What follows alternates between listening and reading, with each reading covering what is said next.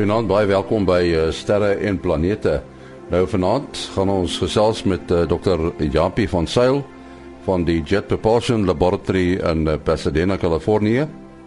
Ons praat ook met professor Mati Hofman van die Universiteit van die Vrystaat en met uh, Willie Koorts van die SAAO. Maar voor ons met hulle gesels en met uh, Kobus Olkers oor die son, eers ruimte nuus wat geskryf is deur Herman Turin in Bloemfontein. NASA se tuig op Mars Curiosity het onlangs sy eerste Marsjaar op die rooi planeet beleef. Dit is nog op koers na Mount Sharp binne die Gale krater. Nou wag daar reeds nuwe take op Curiosity wanneer dit die berg bereik. En dit is om te bepaal of die aanduidings van eertydse gletsers wat wetenskaplikes teen die berg sien, inderdaad die spore van gletsers verteenwoordig. Die wetenskaplikes meen die frekwensie van kletserwerking kan moontlik verband hou met die hink van Mars se asafwyking. Elke paar miljoen jaar sou die ys op die pole dan smelt. Maar dit sou koud genoeg wees vir die neerslag by die pole om kletsers te vorm. Die smeltwater van die gletsers sou die teenwoordigheid van 'n droë stroompie en die vloer van 'n uitgedroogde meer verklaar wat Curiosity reeds gevind het. Wetenskaplikes meen hulle het dalk vasgestel waaruit minstens 'n deel van die donker materie bestaan wat in galaksiebondels voorkom.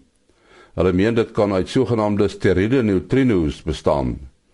Deur sulke galaksiebondels te bestudeer, is vasgestel dat die sigbare materie slegs vir 'n vyfde van die werklike gravitasie verantwoordelik is. Die res is waarskynlik donker materie.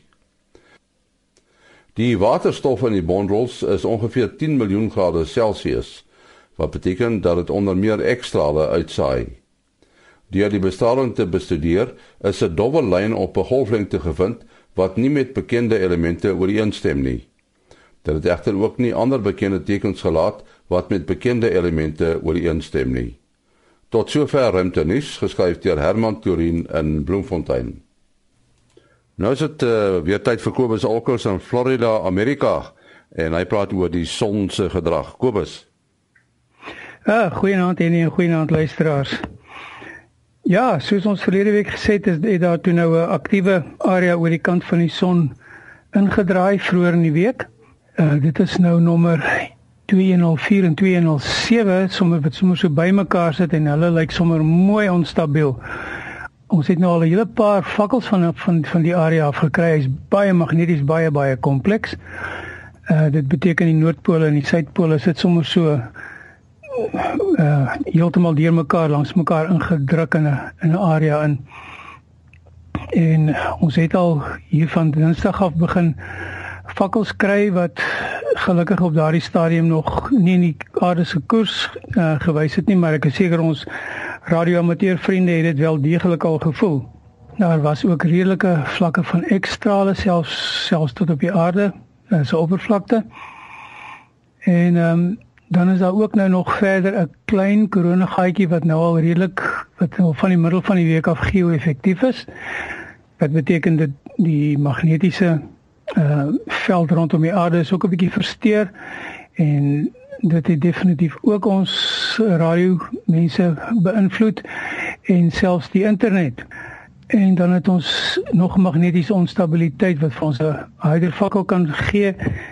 So dit is 'n baie baie besige week hierdie week. Ehm um, en ons ons luisteraars kan maar weet hulle moet maar weer hierdie week nie reg iemand blameer as hulle selfone nie baie lekker wil werk nie of as die internet nie so goed wil kontak maak nie. Dan sê Kobus jy besonderhede?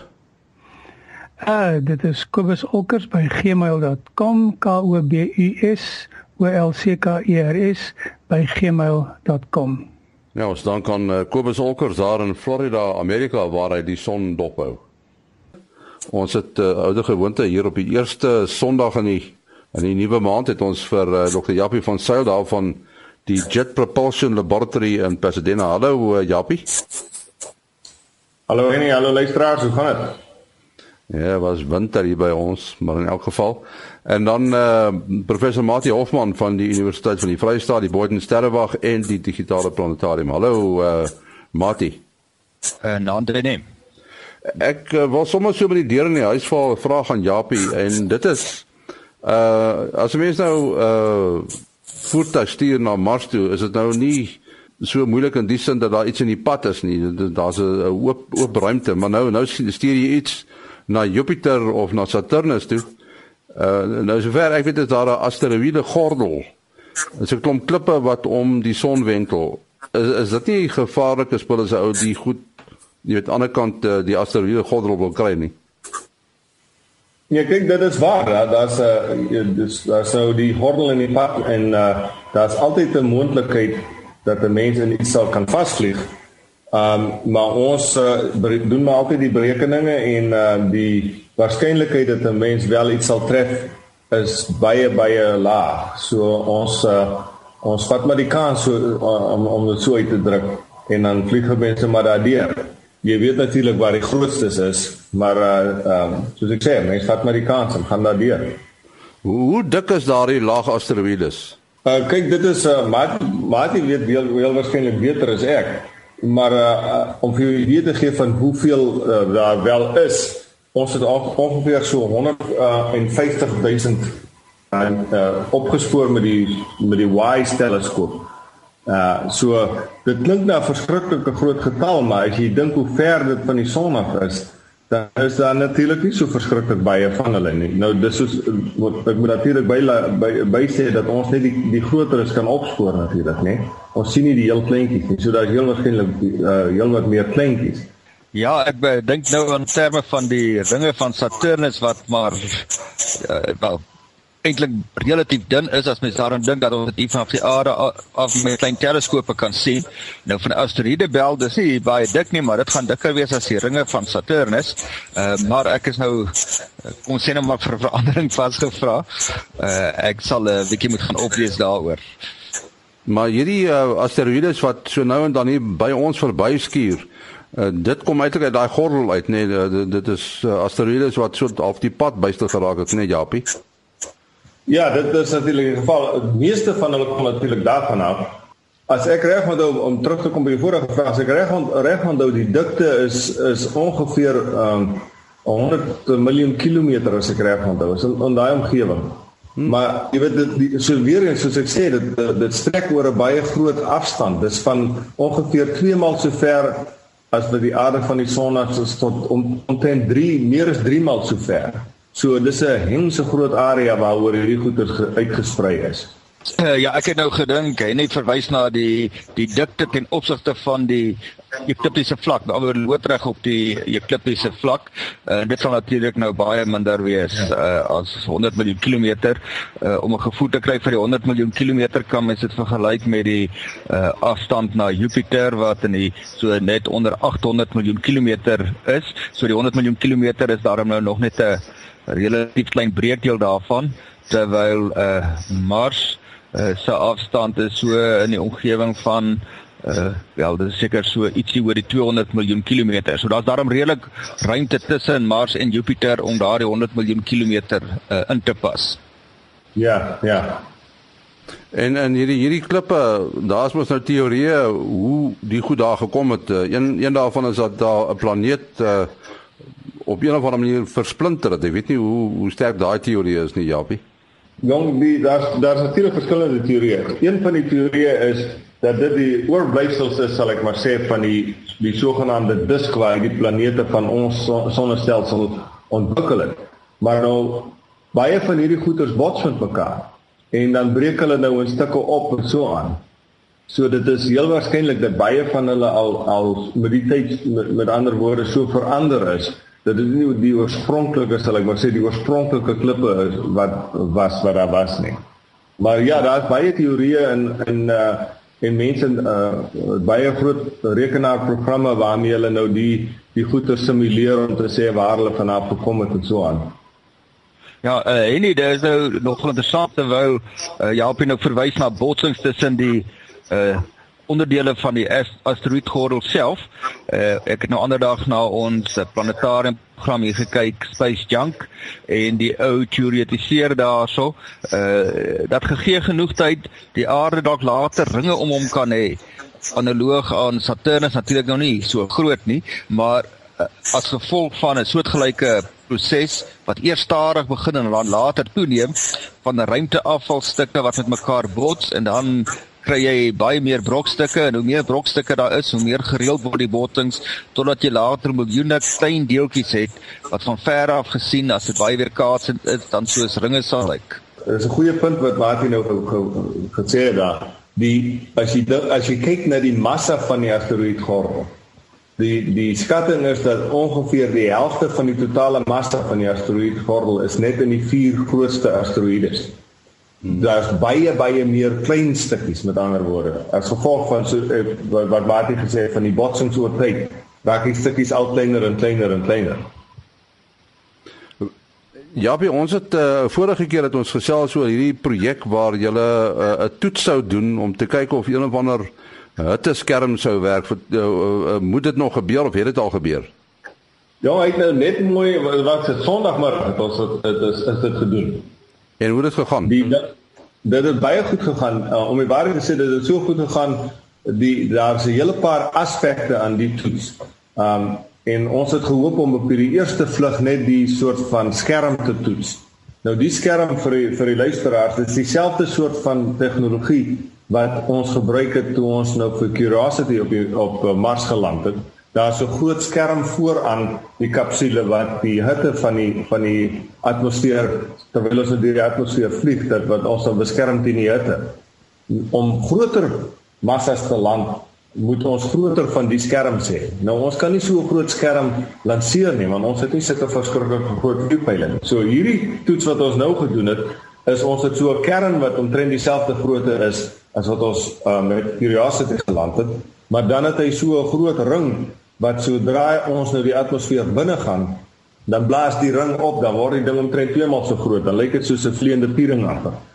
Nou die ding is 'n Sondag gelanseer. Die manier waarop ons dit toets het, ons het hom 40 km in die in die uh, atmosfeer laat opgaan, in ons ruimte laat opgaan met 'n ballon, 'n groot ballon. So hy 40 km opgestyg en toe ons daar bo kom, het ons 'n vierpyl motor aangesteek en dan vlieg ons weer terug deur ons eie atmosfeer. Op daardie hoogte is dit omtrent dieselfde digtheid as wat ons op Mars sal teekom. So dit toe kon ons nou toets dat die ding uh, baie mooi oop gegaan het, alles het perfek gewerk. Ons het kameras en goeders op die ding gehad dat ons kon sien waar dit uh, hoe dit alles uit uh, sal ek maar sê ontplooi het en so aan alles het perfek gewerk. Soveel so dat ons selfs die eerste toets kon doen van 'n eh, van 'n baie groter uh, valskerm ook. Nou die valskerm het ons nog so klein bietjie aan werk uit uit deels oop gegaan. Ehm uh, maar dit was nou nie eintlik deel van hierdie eerste toets gewees nie. So ons is baie opgewonde dat die eerste toets so goed afgeloop het. Uh nee, ek wonder nou net as uh die goed nou nie so goed gewerk het nie met ander woorde die valskerm werk nie goed nie en die opblaasmeganisme werk nie so goed nie. Waar sal uh, daardie toetstuig geland het of geval het? Uh, hy sou hy sou maar weer eens in die see geval het. Ons het ons het die die uh, ballon van Hawaii afgelanseer. So daar's 'n groot as sal ek maar sê 'n groot aarde see om om Hawaii. So jy kan dink as jy dit laat opgaan en uh, die vuurpylmotor aangesteek En en op die ou end het alles in die see beland, maar ons het natuurlik skepe daar naby gehad en dit gou-gou uit die water uitgehaal sodat ons nou al die goeder kan herwin en so aan. Maar hy sou maar net weer in die water geval het. Dit, dit was een van die groot dinge wat ons ons wou eintlik al in die middel van Junie gelanseer het, maar ons moes uh, elke slag wag dat die winde die, uh, reg is sodat die ballon op die op die regte sal ek maar sê 'n klein areaatjie in die lug sal wees wanneer ons die vuurpyl aansit sodat hy ook kan seker maak dat jy op die ou end in die in die in die see sal land en nie iewers op 'n land waar mense is nie. Jy jy het nou gesê hy word nou vreeslik groter. Wat is die voordeel as hy nou so groot is? Kyk as jy eh, dit is mense gebruik natuurlik die weerstand soos wat ons deur die atmosfeer vlieg om ons stadiger te laat gaan, om ons so bietjie te rem. So hoe groter die oppervlakte, hoe meer remkrag is daar vir ons in die atmosfeer. Uh en as jy natuurlik nou 'n swaar uh vrag sal ek maar sê dra, dan dan het jy meer remkrag nodig. So hoe swaarder die vrag is, hoe meer moet ons rem in gedurende die atmosfeer tyd. Want onthou, ons moet stadig genoeg uit die uit die uit, kom met die met die vrag sodat ons wel die valskerms kan oopmaak. As as ons te vinnig trek nog As ons die valskerm oopmaak, sal hy maar net skeur en in stukke opbla opbreek en dan sal ons in die in die ehm um, sal ons in die grond van Mars vaslig. So ons moet genoeg remkrag in die in die atmosfeer kry en dis waar ons dit nou moet groter maak. En natuurlik die atmosfeer is nou minder, nee, so jy moet nog groter gaan. Dis natuurlik, ja, as ons op die aarde uh, geland het dan dan natuurlik nou nie na so 'n groot oppervlakte nodig. Uh en nee, ek het nou net so miskien 'n effens tegniese vraag, maar ek dink tog dit is relevant.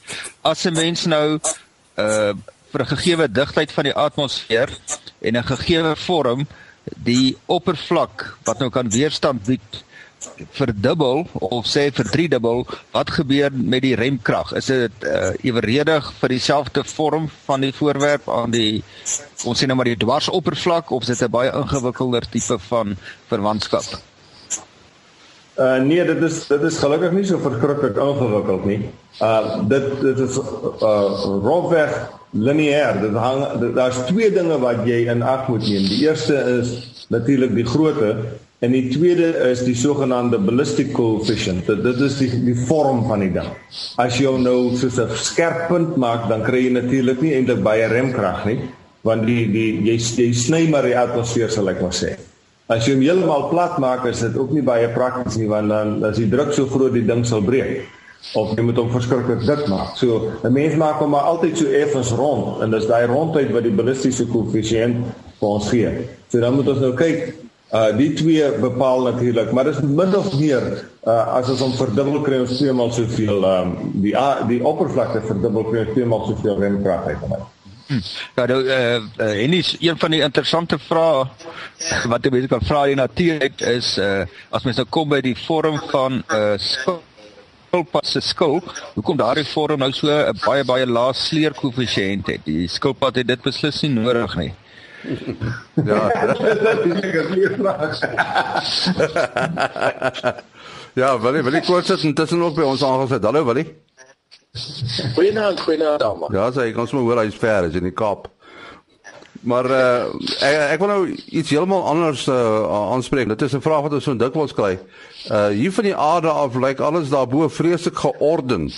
Jy weet, alles beweeg soos wat mense voorspel en ek dink as Japie hulle hulle berekeninge doen, doen hulle dit op grond van uh inligting wat hulle het. Uh, jy weet die geskiedenis sê so, daarom sal dit so in die toekoms wees vir vir my ek dis dis moeilik om te sê ek ek, ek, dink natuurlik daaraan dat ons as mense probeer maar net ons om met ons wiskundige wiskundige formules ehm um, verklaar wat dit is wat ons sien. So dit is nie vir my so 'n geval van ons weet nie. Ons ons verklaar maar wat ons sien soveel soveel as wat ons kan. En as nou en dan vind jy jou teorie werk nie so goed soos wat jy gedink het, dan moet jy dit weer aanpas. Ja, en en is dinge so standvastig daarbo soos wat ons dink hier van onder af. Ja, nee, kyk as as jy nou mooi kyk uh die as jy uh, groot hoeveelheid liggame het wat om mekaar wentel soos wat ons sonnestelsel en so aan is, dan kan jy redelik wiskundig bereken hoe hulle behoort te um, uh relatief tot mekaar te beweeg natuurlik. Maar dit neem aan soos jy gesê het, dit neem aan dat niks inkom in in uh, in 'n verandering veroorsaak, 'n perturbasie uh, in die in die stelsel ingooi. As daar byvoorbeeld nou 'n groot ehm um, 'n baie groot uh, ander uh, sogenaamde wandelende planete wat ook al hier deur ons sonnestelsel trek, dan kan dit natuurlik dinge verander. Maar in die uh, solank so iets nie gebeur nie, is die is die stelsel redelik stabiel. Anderster sal die sal die goed uitmekaar uitspat uh, oor met tyd. Ja, dis nou as daar nie 'n asteroïde naby die aarde verbyskuur of selfs jy weet bo kan Rusland ontplof nie.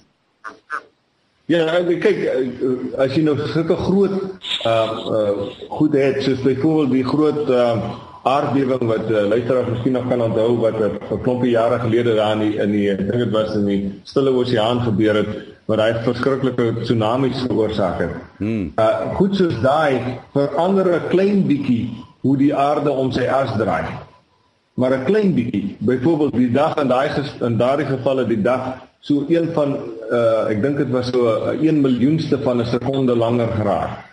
So ons sal dit nou nie eintlik oplet nie, maar dit verander 'n klein bietjie hoe ons trek. Maar dit is as jy mooi daaroor dink, dit is goed wat verskriklike groot invloede moet hê. So dit is 'n dit is 'n um sal ek maar sê 'n 'n heel lewensveranderende 'n 'n ondervinding wat dan gebeur. En ons kan die goeders waarneem as hulle wel gebeur. En so ons weet nie van enige so iets wat op pad is na ons toe en toe aan nie. En, en hierdie stories wat mense nou so hoor van Nibiru en die swart ster, dit is maar tipiese apokriewe goed wat ontstaan omdat mense nie weet nie, is ek reg? Ek weet ek neem aan dit is die geval. Uh, soms is daar mense wat wiskundig agterkom dat uh, as jy nou baie fyn metings neem, dat goed nie presies werk soos wat ons gedink het nie. En dan uh sal hulle natuurlik 'n teorie hê dat um, daar een of ander uh, voorwerp moes verbygegaan het wat die bane verander het as uh, van wat ons dink dit is en so aan. Maar ek dink in baie gevalle is dit maar mense wat wat soos jy sê, mense wat nie presies ehm uh, wat wat voel hulle wil 'n teorie maak om dinge te verklaar wat hulle andersins nie kan waarneem nie. En uh, so van teorie gepraat, die sogenaamde oerknal, die Big Bang. Uh hy hy is ehm um, nog 'n teorie, nee, hy is nie bewys nie. Ja, kyk, dis dis uh, alles nog 'n teorie. Sover al die al die wiskunde wat 'n mens kan uitwerk van Einstein se vergelykings af oorspronklik, staan sy teorie af. Al die dui daarop aan dat daar wel so geval was, so 'n event was in ons in ons geskiedenis. Nou in Maart maand van jaar het ons hier by JPL het ons 'n uh, uh, persverklaring gemaak van metings wat mense in die suidpool gedoen het van ons ouens daar.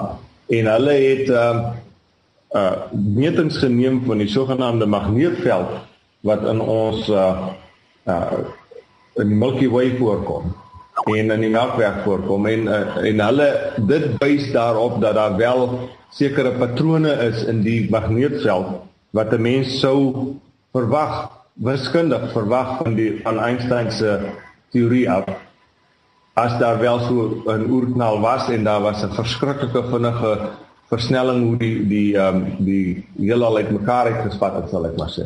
Maar dit is nog nog nie heeltemal bewys nie. Die mense stry nog maar so 'n bietjie of die of die data wel presies wys wat ons dink dit wys en so aan. So dit ek sou aanneem dit sou uh, nog so 'n uh, jaar of so vat voordat die die stof gaan lê omtrent die die ehm um, wetens en as dit uh, as dit dan nog steeds staan, dan sou ek dink die mense wat die metings gedoen het, heel waarskynlik 'n uh, Nobelprys daarvoor sal kan kry.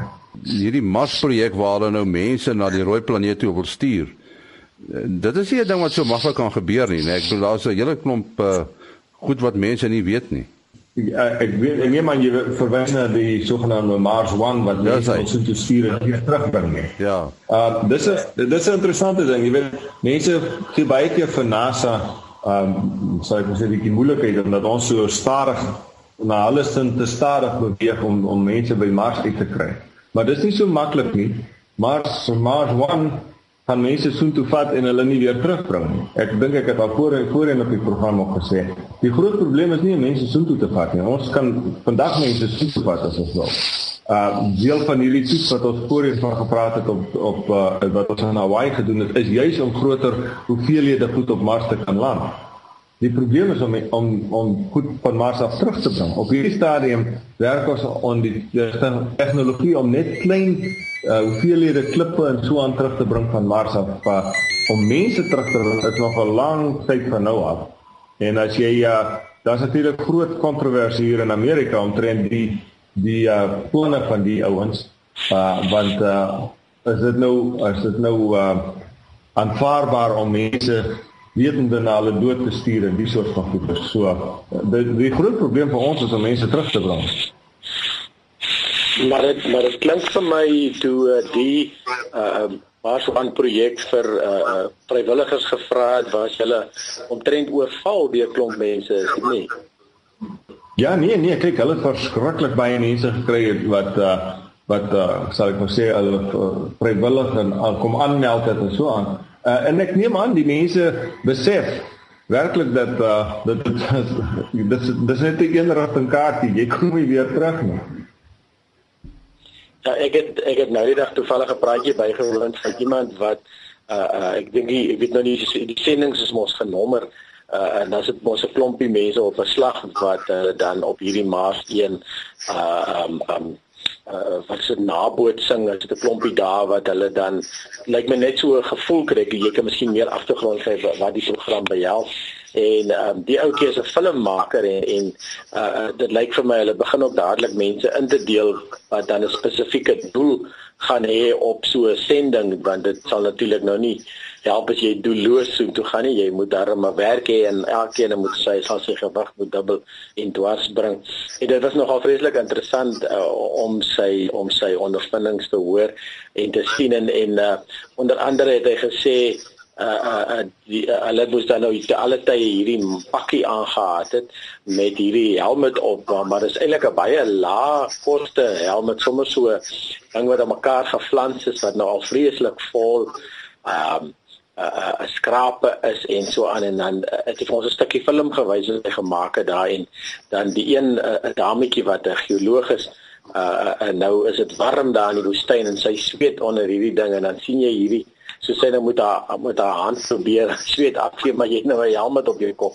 Hoe sit die sit die grondmerke hier op die op die helm? Ja, dit is nou nogal interessant om te sien en te hoor. Maar maar maar NASA het nie eintlik iets met daai projekte doen nie, nê? Nee, NASA het niks met dit te doen. Ja. Dit is, word uit Amerika gedryf of is dit Holland uit of verbeel ek my? Man, ek weet nie presies nie. Sover ek weet word dit uit Holland uit gedryf, maar daar is 'n gedeelte van dit hier in Amerika ook. Hmm. Uh, nou as ek reg onthou, uh, die ouens uh, neem aan dat die die groot vuurpyl wat NASA nou ontwikkel, die sogenaamde Space Launch System SLS, sal beskikbaar wees. En dit is natuurlik 'n groot probleem as hulle nie die, die groot vuurpyl het nie, dat hulle ook nie die mense na Mars gestuur nie.